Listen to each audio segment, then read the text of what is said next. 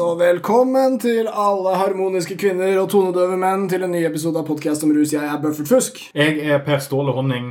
Øh, Det er sommer, det er sol kanskje enkelte steder i landet og verden, for alt vi vet. Og stemningen i podkast om rus er ganske sånn sommerferierelatert. Så dette blir siste episode før sommeren, eller i sommeren generelt. Eh, Og så tar vi oss en god pause, og vi er ikke tilbake igjen før tidligst august. Det er også en sommermåned. Ja, det er også en sommermåned, men det er en litt sånn eh, Nå må du skjerpe deg, komme deg tilbake i jobb-måned. Sommermåned. Og temaet for i dag er jo musikk. Mm. Musikk, fantastisk. det er så masse man kan si om musikk. Det er en utrolig nevrologisk opplevelse.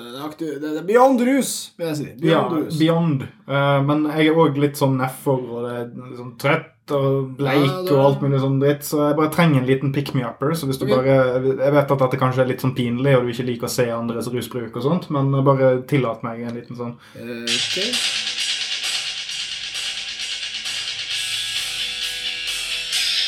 Uh.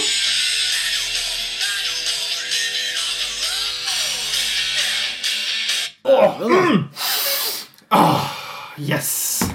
Ja, den satt mest for deg. Ja, Ja. ja men det er kule. spesialtilpasset. Vet du. Man må finne sin egen rus. vet du. Det er sin egen vei. Godt å ha deg tilbake. Se Yes. at du er våken. Tipp topp ship shape, klar for å bare jazze av gårde. Dette er som den siste uken før skoleferien. Ja, Det er liksom Læreren er trøtt. Det er ikke noe vits i å liksom følge med i timen. Nå er det sånn loosey-goosey, folkens. Yes, Dette er konseptet vi kalte det kosetime, som var at du bare hadde et sånt berg av godteri på pulten, og det var masse leker og drit. Dette er podkast-versjonen av det. En episode der vi egentlig bare det, kosepreiker. Ja, vi bare gidder ikke å jobbe så hardt. Forhold deg til det, Ja. som det heter med solbriller på. Eh, og vi da tenkte Altså, vi skal snakke om musikk og rus. Men vi kan ikke bare snakke om musikk. Dette er en podcast om rus. Uh, vi må snakke Det er masse spekter å dra inn, selvfølgelig. Vi tenkte kanskje vi skulle snakke om artisters rusbruk. Woho! Yes. Og kanskje litt andre ting òg. Men eh, det kommer vi jo alltid tilbake til. blir fort det. Eh, vi tenkte, altså, Her er et poeng som vi kan eh, starte ballet med. Altså, Drugs i eh, hele verden er mest skjult. Det foregår også i musikkverden. Jeg tror de aller fleste som er artister og bruker ulovlige rusmidler, også alkohol, trolig, gjør det backstage. De er ikke så frontende om det. Eh, det kan jo ha sammenheng med at noen av dem har musikksjangre der det kanskje ikke hører helt hjemme. Det beste eksempelet blir jo kanskje de som lager musikk for barn. Eh, det, Lytterne våre er jo kanskje litt for unge til å huske det, men det var jo dette å dra på bensinstasjonen og bare se på CD-hyllen sånn, eh, Ja. da jeg var liten. Var ofte sånn lokalproduserte CD-plater, gjerne med sånn far og unge. Oh, ja. Sånn litt sånn kristen eh, påvirket, sånn som du finner langs Nord-Vestlandet og Sør-Vestlandet. Noe. Sørlandet. Ja. Sånn, Du har en far som bare har tvunget barnet sitt til å synge 'Jesus er flink, Jesus er snill' eller et eller annet sånt. Det, det må vi jo kunne regne med er rusfritt, i hvert fall i den kreative prosessen. det må det nesten være det. Litt aktivt rusfritt. Ja, altså. det er i hvert fall høy på Jesus, da. Jo, jo mer barn i musikken, jo mindre rus. Mm. Det, og, og, dette er en helt naturlig og riktig balanse, forresten. Helt i orden. Jeg protesterer ikke i det hele Sånn må det nesten være, folkens. Eh, men eh, det fins visse unntak da, til artister som eh, skjuler rusbruken sin. Som vanlige folk gjør. vet du. Artister, det er akkurat som oss. Da er det litt sånn sjangerbestemt. Det har vi tenkt litt på. Mm. Vi begynte jo å synse litt om det der. Hva er det som, er, hva er det som gjør at enkelte musikksjangre er mer assosiert med rusbruk? Man har jo for eksempel, Det var jo Union Scene i Drammen som ikke ville ha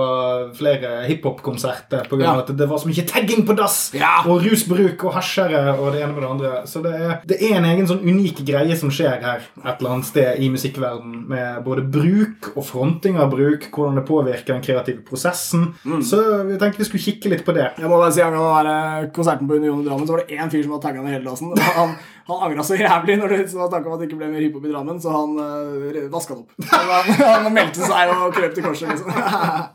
Så shout-out til uh, dannethet og uh, skikkethet. Ja, en, det er jo verdens dårligste tagger. Ja, det er jo, blir ikke verre. Nei. Hva trodde du kom til å skje? Ok, det var meg. Er gøy. Her går du og er asosial og mot samfunnet, og så får du de asosiale konsekvensene som du kanskje underbevisst var ute etter, og så angrer du. Ja, det var, that's what graffiti is all about. Men det verste er jo at siden trusselen var såpass stor, da at det blir ikke mer konserter, så er jeg sikker på at også alle bandene og var ah, Bra du tilsto. Bra du tilsto den taggingen. Det anarki er bare ikke verdt det. Vi må, vi må få spille konsert.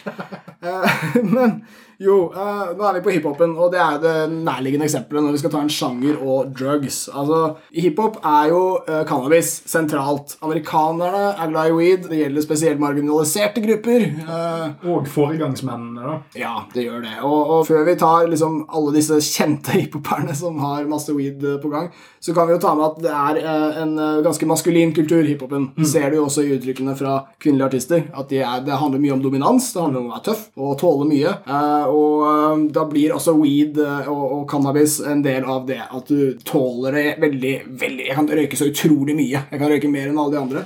Det har også vært veldig sånn såre, fine tekster blant rappere som har skrevet hvor mye jeg elsker Mary Jane. Liksom, Sånn, «Å, jeg kan roe hjernen min og være gangster. Men òg litt uh, interessant hvordan hasj, som egentlig sjøl i sirkler som ser veldig ned på rusbruk, så er jo hasj regnet som en veldig sløvende og ikke aggressiv greie. Og I hvert fall jo lenger unna vi kommer oss Uh, Ja, det er interessant. Det er jo hippienes uh, Ja, så det er jo Domene. Så denne litt sånn snodige komboen med sånn street cred og macho-dominans Fordi det er forbudt. Det legaliserer weed, så robber du hiphopkulturen. Ja, godt mulig.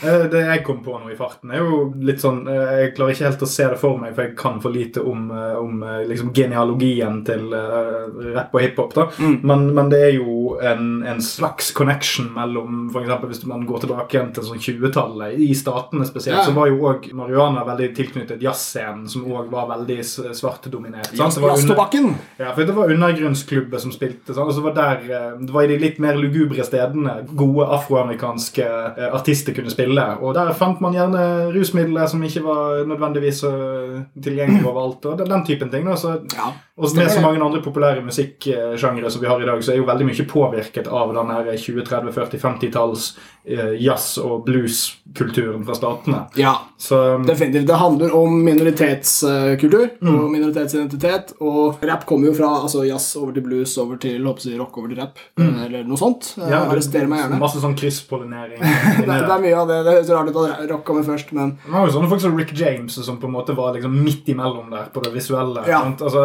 du har soul, du har masse imellom. sant? Ja, sånn God på gitar, litt rocker, men òg veldig weirdly hiphop-ish i sin Ja. estetikk og fremstilling. Sant? Altså, og, Prince, for eksempel. Absolutt, ja. Og jeg, jeg, tror, altså jeg har tenkt på det som at det er opprørskulturen altså Den siden av det er veldig sentral for deres uh, weed-kjærlighet. Men altså at det er ulovlig, da, så kan du bli en gangster med weed. Du kan bare selge masse weed, og så er du en thug, liksom. Men det er jo også Med en gang weed begynte å bli lovlig i USA, som det holder på å bli, uh, sakte, men sikkert, så har jo mange av disse hiphoperne fått sine egne strains, altså typer cannabis, uh, og gjerne oppkalt etter dem og sånne ting og investert masse i den lovlige i hvert fall gråsone-cannabisindustrien. Og masse kjente navn eh, av de nye rapperne som Riff Raff, Wiz Khalifa, uh, Corrupt, uh, litt mer innoverte som Cameron og Be Real fra Cypress Hill. Alle disse folka har sine egne strains. Og Seff Snoop Dogg, eh, som var tidlig på ballen eh, når han skjønte at weed kom til å bli lovlig. Ja, for Snoop Dogg er jo en, en, en case study av en type. Jeg, jeg tror ikke jeg kunne klart å komme på en eneste låttittel fra den fyren der. Å ja, ja, Ja, ja, han er jo en stor artist. Han har jo solgt noe sånn 25-30 millioner album og sånt. Ja. Men han er òg en fyr som er mye større enn det man skulle trodd ut ifra musikknedslagsfeltet hans. Ja. Til sammenligning er jo a-ha på en måte Norges største band internasjonalt. De har òg solgt noenlunde den samme mengden med album. Okay, Og som er veldig solid, men det er liksom ikke top tier sånn ACDC-tall eller Nei, Pink. Floyd og sånt. Nei, nei, skjønner. Ja, nei. Eh, Men, men det interessante er at Snoop Dogg har jo ikke vært på en måte musikalsk relevant for den bredere popkulturen på en ganske lenge. nei det, kan, det kan du si. Eh, Og det er ikke en diss til han. Jeg vet ingenting om musikkvaliteten på det, outputen hans. de siste. Litt så jævla jovial på sine eldre dager. altså. ja, og det er jo nettopp det som er litt sånn interessant. Eh, Mm. Denne her offentlige personen han har, som bare er at han er veldig stein og takler det veldig bra. Ja, det er, det er fascinerende. Altså, Han er jo uh, greit, han er en jovial fyr. For mye weed, kanskje. Han, jeg likte han når han var tøff og gangster, men Han kan fremdeles bli sint, da. Ja, ja han, kan, han, er, han har street creden i orden, for all del, og weeden er sikkert en del av det. Men jeg er fascinert av denne karakteren han har klart å bygge rundt seg selv. Mm. At han kan sitte på alle talkshows i verden på sånn koselige Uansett hvem som er gjest, uansett hvor gamle de er i publikum, så er det liksom sånn kan programlederen dra en eller annen joke sånn her Haha, Snoop, jeg var i garderoben i stad, det lukta sterkt der. eller noe sånt. Og så er Snoop sånn yeah, you know, Og så ler alle. Bestemor er sånn Ja, han Snoop-dog, han eh, røyker masse weed. Det er, det, er, det er så koselig. Og det er ikke bare at han røyker masse weed, men han tåler masse weed. Han trenger masse weed. Hvis Snoop Dogg skal bli stein, da må han røyke 100 gram. Det er på en måte sånn Det er nesten at du vil til at han må bære mer weed enn de andre fordi han er så sjarmerende. eller noe sånt. Og, og Han har liksom hacka det. Jeg, jeg er utrolig fascinert, for det er mange i hiphop-kulturen som tåler mye weed og skryter av det, men ingen er så folkelige som Nei, Dogg. for på en måte hiphopens Willie Nelson. Ja, og veldig eh, bra eksempel du dro inn der.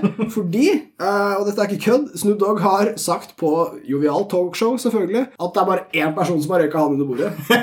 Og gjett hvem det er. Gode, gamle Willie. Ja, og Snoop Dogg forteller med sånn ærefrykt om den dagen han måtte si 'stopp, nå vil jeg ikke ha mer eh, cannabis'. og Willie Nelson var litt sånn 'ja, ok, greit, da tar jeg resten'. Og begge to er litt glad i flette. Ja, ja de, kanskje de har noen flettesamtaler? Ja. Ja, sånn braids og sånn. ja, det er sant. Det er fellesskap i flettene. Willie Nelson er jo angivelig den eneste personen som har røykt cannabis på taket til Det hvite hus.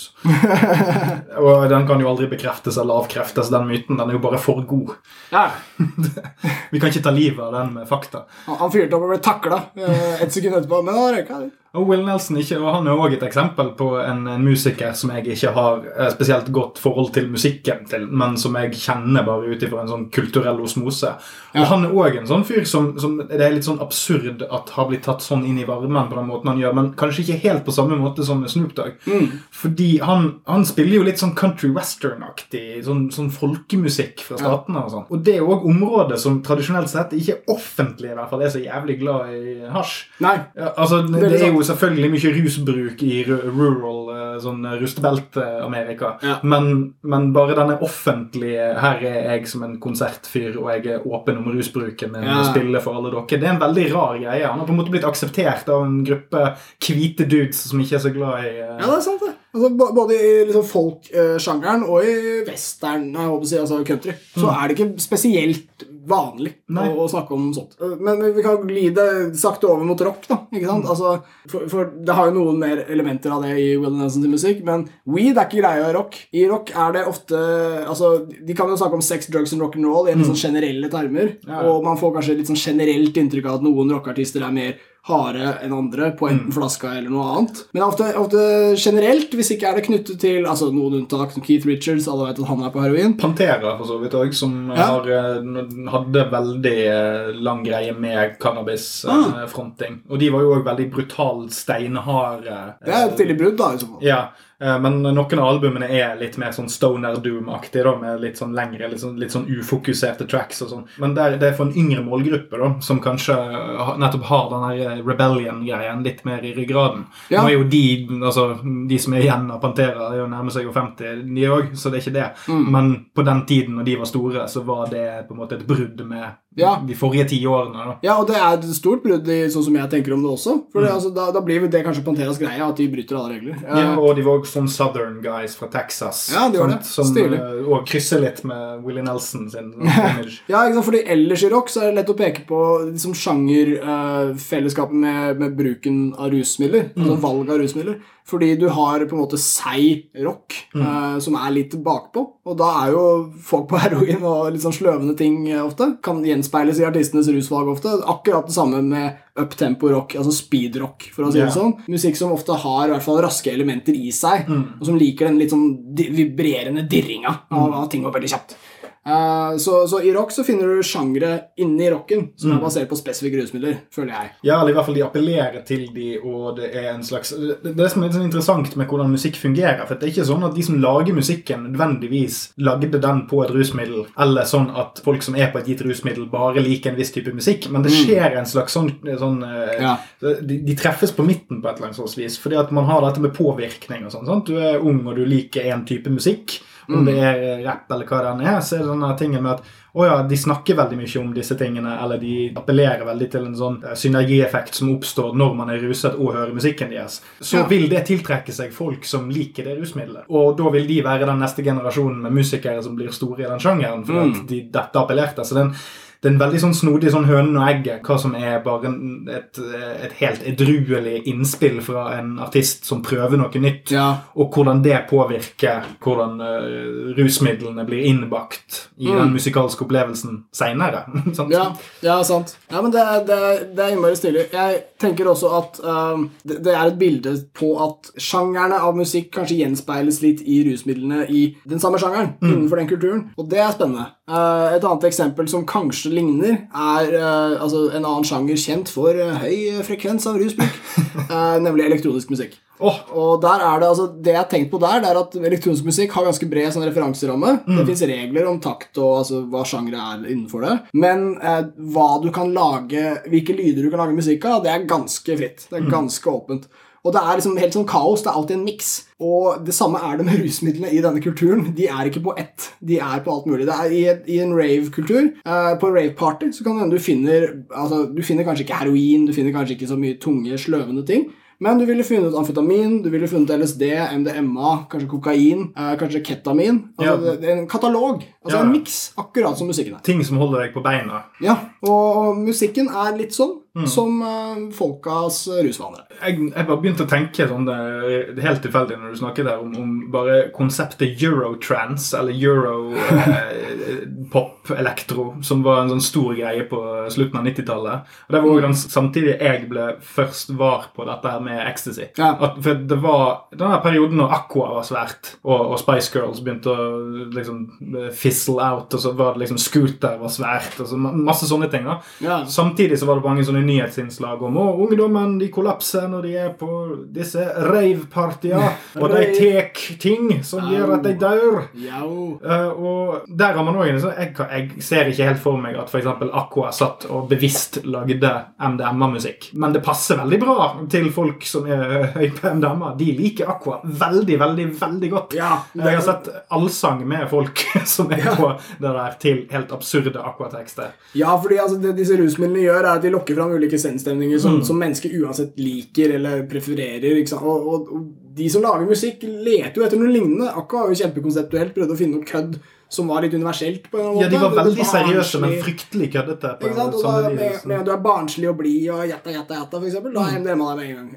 Da, og, Det er og- gøy å være tullete. og, og steine folk kanskje så på det bare 'Dette er weird'. Men, liksom, du treffer på masse grupper. ikke sant? Det var kanskje ikke meningen i utgangspunktet, men, men det, det klaffer. Sant? Det kan bli en hit. Det kan bli eh, store penger. Ja, og det er jo eh, det samme med litt de, de, mer moderne elekt altså, nå, nå er jo på en måte elektronikasjangeren mye mer moden enn det vi vokste opp med. For eksempel. altså, nå Ja. er det mer anerkjent. altså På måten Kygo er sett på som en norgesstjerne Ja. bare på å sitte på gutterommet. Ja, in instrumentet har blitt anerkjent på et eller annet vis. Ja, sant? Altså, litt, så, så nå er, blir det litt vanskeligere å liksom knytte det helt konkret til en gruppe med rusbrukere på Ja. grunn av at det er mer anerkjent, det tiltrekker seg flere folk. Sant? Altså, folk kan godt ta MDMA og gå på Kygo, liksom, men det er ikke, det er ikke 50% av de som er der. Nei, og, og så, Veldig mange av dem bare være kids som syns det er stas med lysshow og sånn. ja, og om en gang et, eh, et fenomen, elektronisk musikk, for eksempel, blir liksom allment, Mm. så er det jo den allmenne kulturen som liksom trer inn i den kulturen òg, da. Så da Mm. kommer jo fylla. ikke sant? Der folk er på fylla på Kygo-konsert. Det er ikke Kygo! passer som faen, det, liksom. Og kanskje de andre sånn fylla drugsa er der, liksom, men det, det, det er folket som er der. Det er, det er jevnt. Men hvis du drar på en eller annen sånn undergrunn-rave hvor de spiller psytrance eller noe sånt noe, så vil du finne folk som altså, det, er tran, De transfolka. Transfolk er noe eget i seg selv. Ikke forveksles, med transfolk. Ja, nei, det, det overlapper faktisk veldig sjelden. altså, eh, Folk som liker trans, de liker monotone rytmer. eh, og det er jo sikkert mange grunner til det. Psytrance er enda litt mer spasa, og folk er, det er enda smalere. Og folk er kanskje litt mer på LSD og sånne ting enn de ellers ville vært. Og da finner du en veldig sånn smal weird, og da begynner det å bli mer drug specific igjen. For her er det ikke en bred kultur, da er det mer eh, noe sært noe. Ja, for der har du denne litt sære tingen med at, at en, en subsjanger innenfor elektronika òg kan ha veldig mye til felles med sånn, sånn psykedelisk rock. Ja. Eller eh, at man kan ha mer ting til felles i en annen subsjanger i en annen sjanger enn Ja. man kanskje har med uh, sin nært tilknyttede uh, liksom, søskensjanger innenfor elektronika. At du Ja. rett og slett de ulike subsjangrene kan catere til forskjellige typer rusmidler, men så har du allerede den separasjonen med at det er to vidt forskjellige grunnstammer på sjangrene. Uh, som, sant? At du kan, du kan jo ha doom-rock eller stoner-rock-band som mest sannsynlig vil ha fans som vil, kanskje kunne identifisere seg veldig med f.eks. en type uh, synt-musikk som er mer nettopp litt stoner-orientert. Så yeah. det, er veldig, det er veldig rart hvordan ting ikke er så fastsatt som man kanskje kan uh, tro når man bare tenker på klisjeene rundt rusbruk og musikk. da. At, at det ikke er nødvendigvis sånn at alle som, er, alle som spiller gitar med tromme litt fort, yeah. de er sånn. Ja, Det, er ikke, det er ikke den uh, connection der. Sant. Og nå eh, har elektronisk musikk, eh, som mange andre sjangere, fått en litt mer sånn pop-renessanse, og da blir det mye større konserter. Altså, Ja, sånn litt sånn som 10 000. og Ja, og, da er det ofte den veldig poppete elektroniske musikken som ofte kalles EDM og sånne ting, hvor de fokuserer veldig mye på drops og veldig mye på melodiske ting som alle kan like. Men veldig snedig med at drops er en ting i en ganske brei og populær musikksjanger. Ja, ja, det er, og det er så morsomt sånn kollektivprosjekt. Å, da skjer det snart. Ja, Oi, nå ja, kommer for en drop er når det blir stille, eller når du liksom gjør en sånn brå overgang Ja, det, til det, bygger, høyder. det, det er en build-up i forkant. Det er viktig. Det bygger seg opp, øh, og så skjer det et eller annet, og så.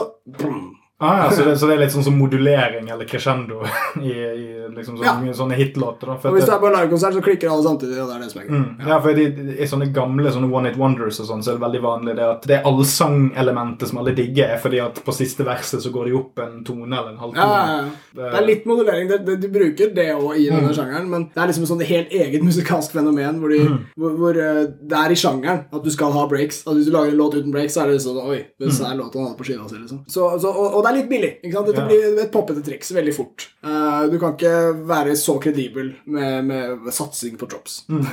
Ja, Det må liksom være originalt. Nei, du kan ikke, det er litt som at du kan ikke lage en hel plate med powerpop-ballade.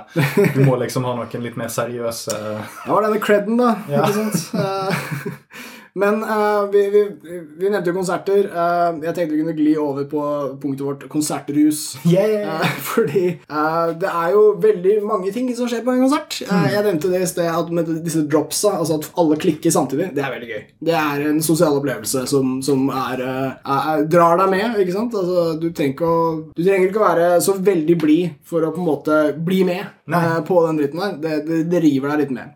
Selv om det er teit, selv om det er banalt på mange vis. Eh, men på en konsert det fins altså, lukter, det fins lyder. Uh, massevis. Det er Ja. det kom.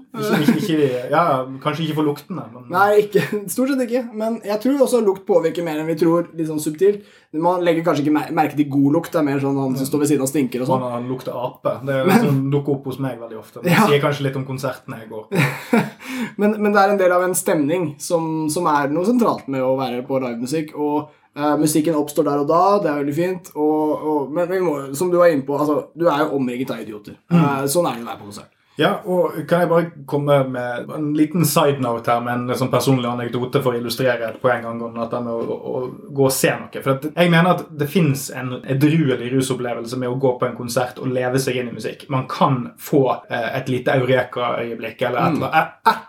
Det jeg er ute etter på en konsert, er ett øyeblikk der jeg syns noe er så kult å se og høre på at jeg glemmer et lite sekund at jeg Ja. står Hvis jeg får én sånn, så er det en dritbra konsert. Det er for. Ja, og det er en ting som avtar med alder òg, for du blir eksponert for forskjellige Ja, blir blasert. Ja, Ja. Og du ser de samme artistene mange ganger. som jeg har gjort og sånn.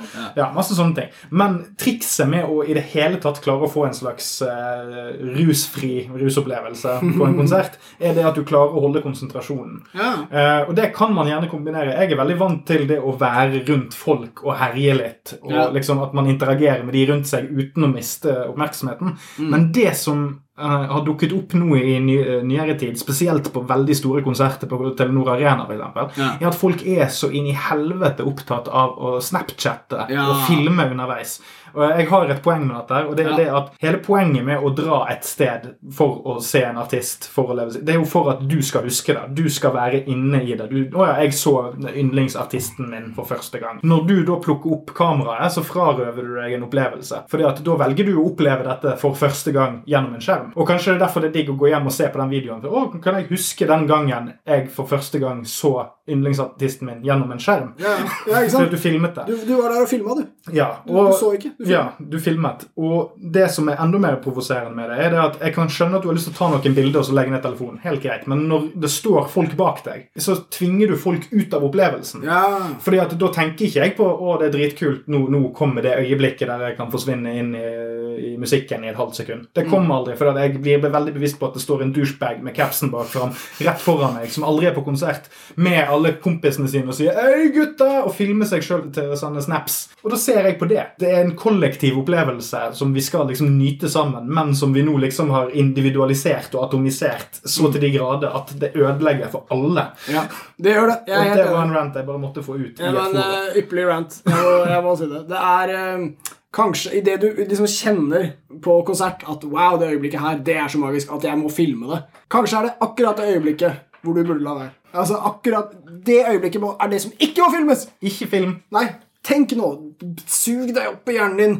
Lagre dette. Kom igjen. Ja, og vi, vi er liksom i Vi er i streamingens høyalder, liksom. Altså, det, det har ikke vært mer tilgjengelig musikkopplevelse på internett enn det det er nå. Det er, vi, vi har tilgang på alt. Det er ingenting du opplever på en konsert som du kan på en måte du eh, ikke kan finne et eller annet sted på nett etterpå. For at det sitter noen på bakerste rad og filmer. sant? Altså, Bakerste rad kan filme så mye de vil, men kan ikke du bare prøve å nyte nuet litt? Og det er en egen rusopplevelse. Nyte nuet. Ja, Noe folk burde øve seg litt på. Det ikke, treng, ikke kjøpe noen rusmidler først. En, en ting jeg ville si der, er at det fins en sjanger av eh, Jeg holdt på å si DVD-er, men det er gamle folk som sier. Eh, VHS. Hva enn det er. Stream, for faen. Eh, en sjanger av eh, video som er konsertklipp. Altså konserter som er filmet. Konsert-DVD-er het det før. Nå heter det konsertstream.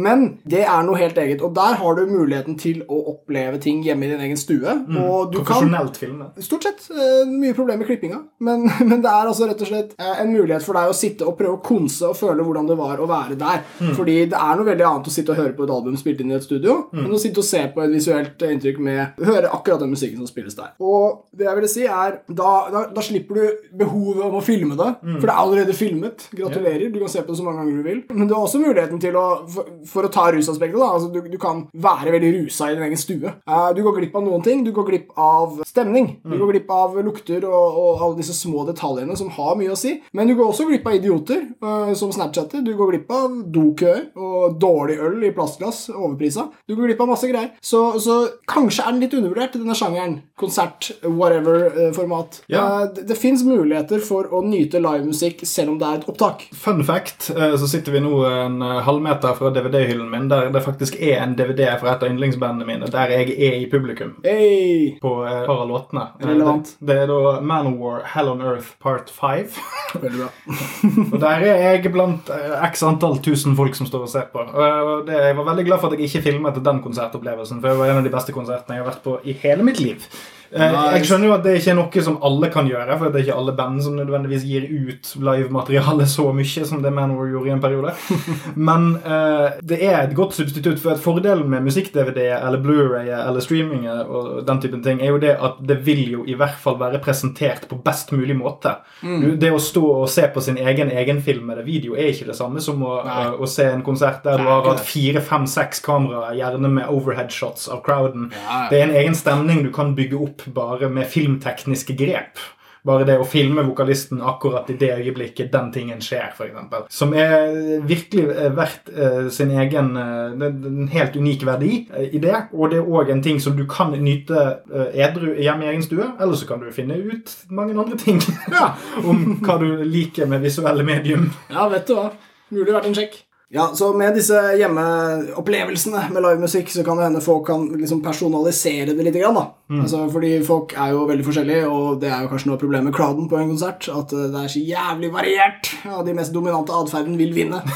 Eh, men, I hvert fall eh, plage de andre mest. men, men for å rappe opp denne ekstremt koselige seansen, så må jeg bare få med at altså, rusaspektet ved dette her, rent sånn nevrologisk Ingen av oss er, har det som fagfelt, men musikk er på en eller annen måte bedre enn drugs til å gjøre det drugs gjør. Uh, beyond rus, på sitt vis. Uh, drugs funker ikke på alle. Det er noen folk der ute som uh, Jeg vet ikke om de har prøvd så mange drugs, da. Det skal de ha. Men, har hatt noen kjipe opplevelser når de har gjort det. og de er ekstremt uinteressert, og, og all ære til dem.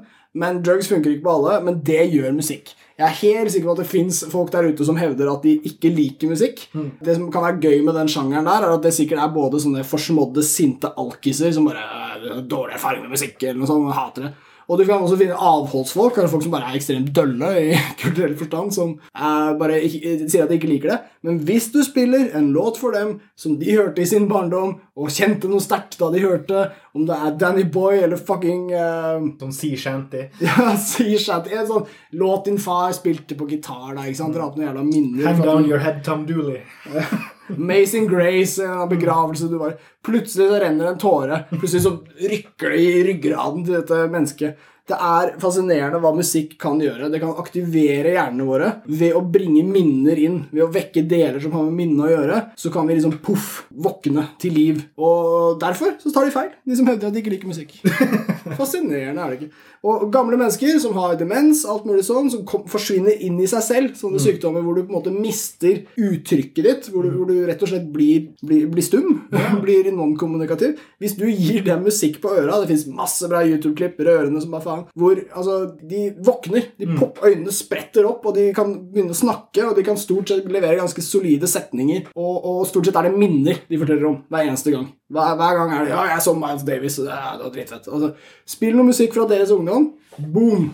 Så er de tilbake. Det er ikke en kur, men det er i hvert fall det kan være illustrerende for hvor omfattende det kan påvirke synapsene. Og, Ja, ikke en kur, de blir ikke friskmeldt, men de våkner. Og når problemet med sykdommen kan være at de forsvinner, så er det en slags midlertidig fiks, da. ja, og gjerne for familien så vel så mye som for eh, Og det, er, det som er fascinerende med særlig den gruppa her, hvis vi tar, drar det tilbake til rusperspektivet, det er jo at de er jo stappfulle av piller. Altså, gamle mennesker med, demens og sånne ting har ofte mange plager. De kan spise 20-30 piller om dagen. ja, gjerne inn, Og, og de funker greit sjøl, det er viktige piller, men de, de vekker dem ikke. Og så spiller du en låt, en lydbølge, inn i øret på dem, og så bam! Ingen piller kan gjøre det. Fy faen, musikk.